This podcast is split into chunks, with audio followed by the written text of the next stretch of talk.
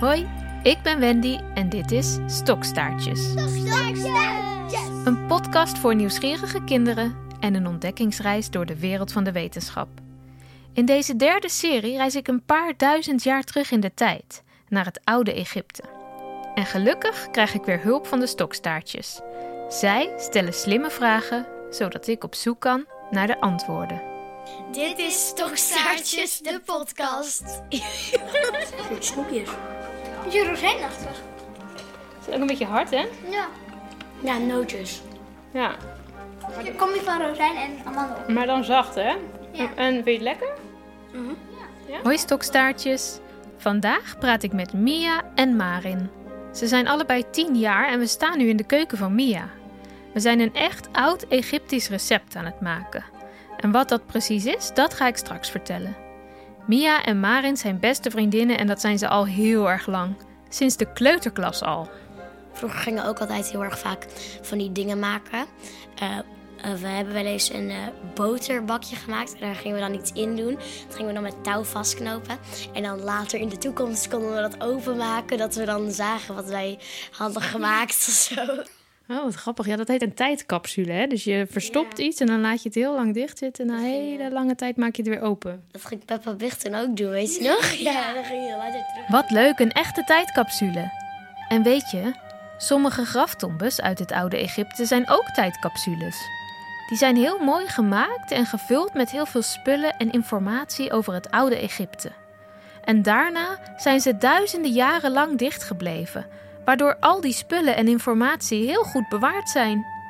Zoals het graf van farao Tutankhamon bijvoorbeeld. Dat is pas in 1922 ontdekt.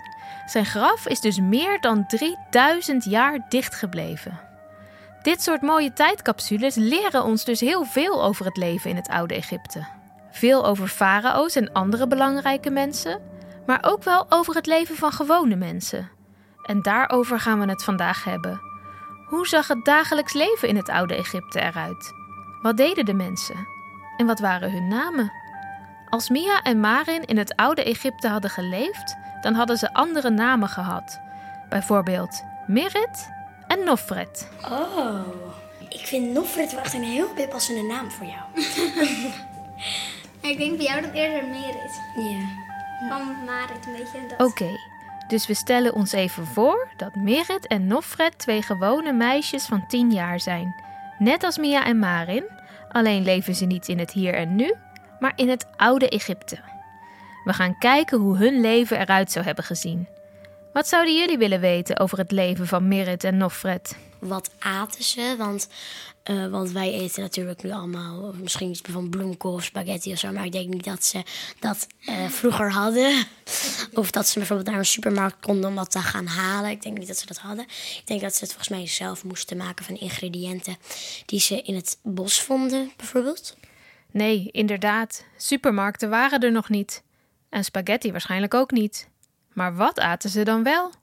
We gaan het vragen aan Egyptoloog Petra Hogenboom van het Rijksmuseum van Oudheden. Wat aten de gewone mensen in het oude Egypte? Nou, het, het basisdieet van de Egyptenaren was brood en bier. Dronken de kinderen dat dan ook? Ja, dat was niet bier zoals wij dat kennen. Hè? Want bier, wat wij kennen, er zit heel veel alcohol in. Maar in Egypte moet je het meer zien, dat was water met een klein biersmaakje. Dus daar weet je niet dronken van. Maar dat was eh, ja, wat de meeste mensen eh, iedere dag aten. Als je geluk had, dan had je af en toe wat vers fruit en wat groenten. En als je heel veel geluk had, een stukje vlees of vis. Brood en bier aten en dronken ze dus vooral. Merit en Nofret dus ook. En dat werd allebei van graan gemaakt. Bijna alle mensen in het oude Egypte waren ook boeren en verbouwden graan op hun land. Mia, Marin en ik zijn iets anders aan het maken in de keuken.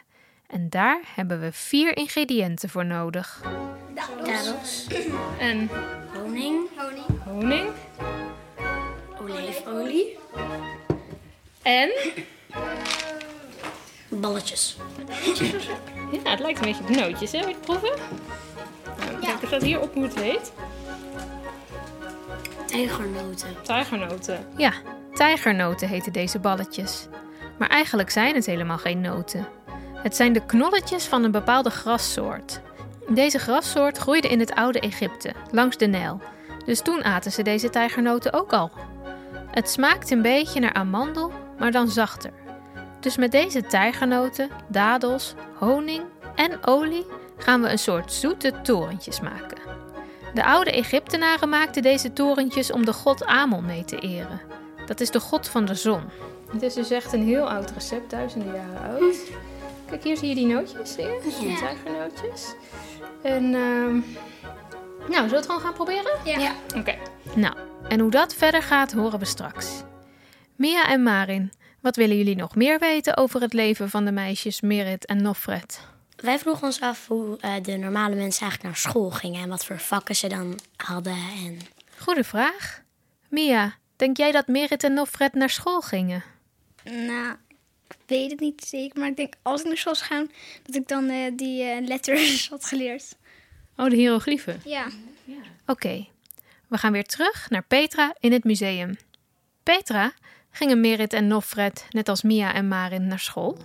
De meeste kinderen gingen maar een klein beetje naar school, eh, maar gingen al heel snel het beroep leren van hun vader. En dat waren ook eigenlijk alleen maar de jongens. En de meisjes die leerden eigenlijk thuis alleen, nou, vo- vooral, eh, hoe ze een goed eh, ja, eh, huisvrouw moesten worden. Dus hoe goed voor hun kinderen moesten zorgen en voor de stieren van het huishouden. Zodat ze later dan konden trouwen en hun eigen huishouden konden, konden runnen. Klinkt een beetje ouderwets, want Egyptische vrouwen hadden wel iets meer mogelijkheden dan alleen maar in het huishouden bezig zijn. Ehm, maar er waren niet hele grote schoolgebouwen. En lang niet alle kinderen konden lezen en schrijven bijvoorbeeld. Merit en Nofret gingen dus waarschijnlijk niet naar school. En ze zijn tien jaar, net als Mia en Marin. Moesten ze dan al meehelpen in huis? Of zelfs werken? Ja, ja werken misschien nog, nog niet echt. Maar ja, met tien was je toen al wel een stuk ouder dan, eh, dan nu. Dus ja, je deed wel gewoon mee in, in de huishouding. Dus ja, je had zeker wel heel veel klussen die je dan moest doen. En waarschijnlijk zou je dan vooral je moeder heel erg helpen met eh, zorgen voor de bijvoorbeeld kleinere kinderen. Het maken van het eten, het schoonmaken. Dat soort dingen allemaal. Ja, maar er was nog wel wat tijd over om te spelen. Ja, dat geloof ik best wel. Ja hoor, ja, kinderen van alle tijden spelen. En eh, ja, we hebben ook speelgoed teruggevonden. Dus we weten dat kinderen toen ook speelden. Ja. En waren er ook speeltuinen? Eh, dat denk ik niet. Nee, nee niet eh, met een glijbaan en, en een schommel en zo. Maar gewoon recht buiten je deur. Ik denk dat dat de speeltuin was, zeg maar. Ja, precies. Wel met een hele grote zandbak. En Mia en Marin, moeten jullie ook wel eens meehelpen in huis? Ja, kamer opruimen wel. ik eh, moet meestal de vaatwasser inruimen. Dan moet ik hem uitruimen. Ik moet de afval naar de vuilnisbak brengen. Over huishouden en koken gesproken, hoe staat het er ondertussen voor met ons recept? We moeten de tijgernoten fijn malen tot een soort poeder. We willen het wel doen zoals de Egyptenaren het ook deden. Dus niet met een elektrische staafmixer, maar met een stenen vijzel. En dat is nog niet zo makkelijk. Je hebt dat niet met zo'n steen op elkaar of zo. Ja, je kan ook proberen een beetje erin te roeren zo, een beetje te draaien. Ja, dan een beetje, een beetje, ja, het is wel zwaar hè? Nee, ik was dus niet Wil jij het proberen. proberen Marin? Ja, is goed. Daar zijn we nog wel even zoet mee. Laten we ondertussen verder gaan met de volgende vraag. Naar wat voor muziek luisterden ze eigenlijk? Oh, wat een leuke vraag. Spotify was er in ieder geval nog niet, dus ze moesten zelf muziek maken met instrumenten. Wat voor soort muziekinstrumenten zouden ze toen gehad hebben, denk je? Misschien iets van, ook een soort van, net als een gitaar soort van, achtig iets van, ja, van haar, dat je dan er toch op kan spelen of zo. Ja, een soort snaren maken van haren. Oh, ik dacht meer van ehm, een soort harp die je van, van hout maakt of zo. En dat je dan met touw misschien dan er zo langs kon en dan maakt het zo'n blinkgeluid of zo. We gaan weer even terug naar het Museum van Oudheden. Want een collega van Petra, Noël Franke, weet heel veel over Egyptische muziekinstrumenten. En hij heeft wel even tijd. Wat voor soort muziekinstrumenten hadden de Egyptenaren eigenlijk? Eh, ze hadden uh, snaarinstrumenten, zoals een harp. Ja, je moet ongeveer een bootje voorstellen met een kromme uh, tak eruit. Uit die tak lopen dan de snaren naar de, naar de bootje toe. En een boogharp heet dat. Die hadden ze dus. En later hebben ze nog uit het Midden-Oosten hebben ze nog uh, liertjes en luidjes eh, erbij gekregen. En een luid is in principe een soort gitaar, maar dus, daar lijkt het op, maar met een hele, veel, heel lange hals op. Oké, ze hadden dus een harp en een luid. En een luid is een soort gitaar. Precies wat Mia en Marin zelf ook al dachten. En wat voor instrumenten nog meer? En dan had je ook nog eh, blaasinstrumenten, daar heb ik er twee van bij. De beroemdste van de Egyptenaar is eh, een, eh, ja, wat, zoals ik het altijd noem, een buisfluit. De Egyptenaren zeiden mat. En dat is gewoon een buis waar je in blaast. En dan hadden ze ook nog eh riettoetertjes, stukjes riet waar je een klein stukje van losnijdt. En dan komt zo'n beetje zeurig geluid uit. Slangenbezweerders eh, geluid ongeveer, moet je ongeveer voorstellen. Dus dat zijn een beetje de blaasinstrumenten. En dan had je ook nog instrumenten waar je ritmes mee kon maken, zoals trommels en stokjes om mee te tikken en een sistrum. Dat is een soort rekje met metalen schijfjes erin. Maar de Egyptenaren gebruikten een andere naam voor een sistrum. En die naam heeft te maken met het geluid dat dit instrument maakte. Sesheshet, sesheshet, sesheshet. Want dat is tenslotte ook het oud-Egyptische woord voor dat instrument. Wij hebben er sistrum van gemaakt, maar de Egyptenaren zeiden, heb ik van Petra geleerd. Sesheshet. Een soort belletjes eigenlijk. Een soort belletjes, ja, ja, ja. ja. We staan trouwens in een klein kamertje in het museum waar allemaal afbeeldingen te zien zijn van mensen die muziekinstrumenten bespelen.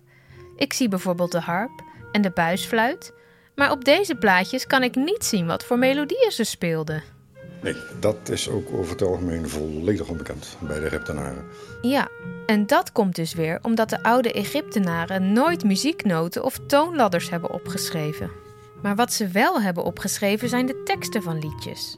In dit kamertje bijvoorbeeld staat in hieroglyphen opgeschreven de tekst van het lied van de harpspeler. En dat gaat er ongeveer over dat het leven heel kort is, dus dat je er maar beter van kunt genieten zolang je op aarde bent.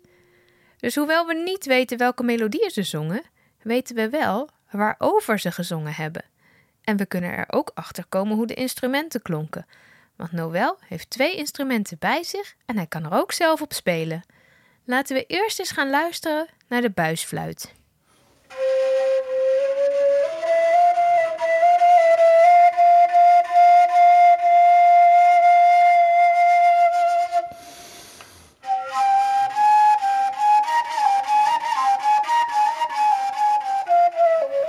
Is, ik denk als ik in Egypte was, vroeger, eh, dan zou ik het wel mooi hebben gevonden. Ja, ik vind het wel een mooi soort van... Alleen het klinkt een beetje... Waarschijnlijk hoor je dat wel dat het soort van een beetje schor Ja, klinkt. heel ruizend. Ja. En dan hebben we nog de riettoeter. Dat is een soort slangenbezweerdersfluitje. Noël zelf noemt het een zeurtoeter.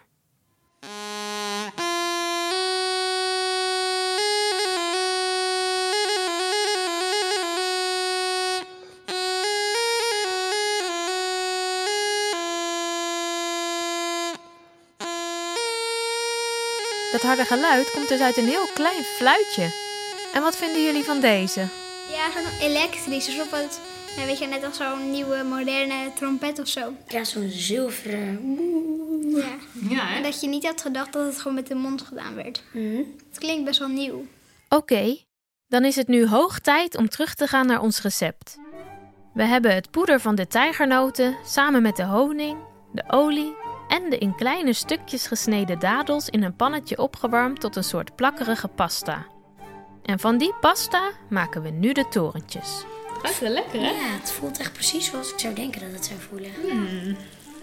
maar het, het plakt niet eigenlijk. Van, Ja, het is heel olierig. Ja, dus door er zit zo. En als ze klaar zijn, kunnen we eindelijk proeven. Merit en Nofred hebben dit misschien ook wel eens gegeten. We gaan buiten in de tuin zitten. Het is een super warme zomeravond in juni en heel even lijkt het alsof we echt in het oude Egypte zijn. Nou, ik, ik vind dat jullie als eerste mogen proeven. Oké. Heel erg naar olijfolie. maar ja, het is wel lekker. ja. Voel je ook dat het nog zoet is? Van Ja. de honing en de dadel. Het is lekker. Wat vind je Ja. ervan? Heel lekker. Nou, wat vinden jullie? Is het geslaagd? Ja. Ja. We gaan voor de 10.000 likes. Wij genieten hier nog even verder van ons Egyptische toetje. Wil jij dit recept ook maken? Kijk dan op onze website www.stokstaartjespodcast.nl. Daar kun je het vinden. Dit was de vierde en laatste aflevering van onze serie over het oude Egypte. Wat fijn dat jullie meegingen op reis langs piramides, mummies en farao's. De stokstaartjes kruipen weer even onder de grond om na te denken over de volgende reisbestemming. Bedankt voor het luisteren en tot de volgende serie. Als allerlaatst ga ik natuurlijk nog iedereen bedanken die aan stokstaartjes heeft meegewerkt. Ten eerste natuurlijk de fantastische kinderen voor hun slimme vragen. Saar, Sam, Anouar, Mia en Marin. De experts Petra Hogenboom, Fleur Hubertus en Noël Franke voor hun leerzame antwoorden. Maarten Westerveen, met wie ik stokstaartjes samen heb bedacht, voor alle leuke en grappige ideeën. Pim van den Heuvel voor de vormgeving en eindmontage. Maya Shamir voor de eindredactie. Jan-Willem van den Ban voor het logo en de huisstijl. En Patty de Blok voor de PR en communicatie. Stokstaartjes maak ik in samenwerking met Studio Popcorn. Mijn naam is Wendy Bos en dit was serie 3 van Stokstaartjes.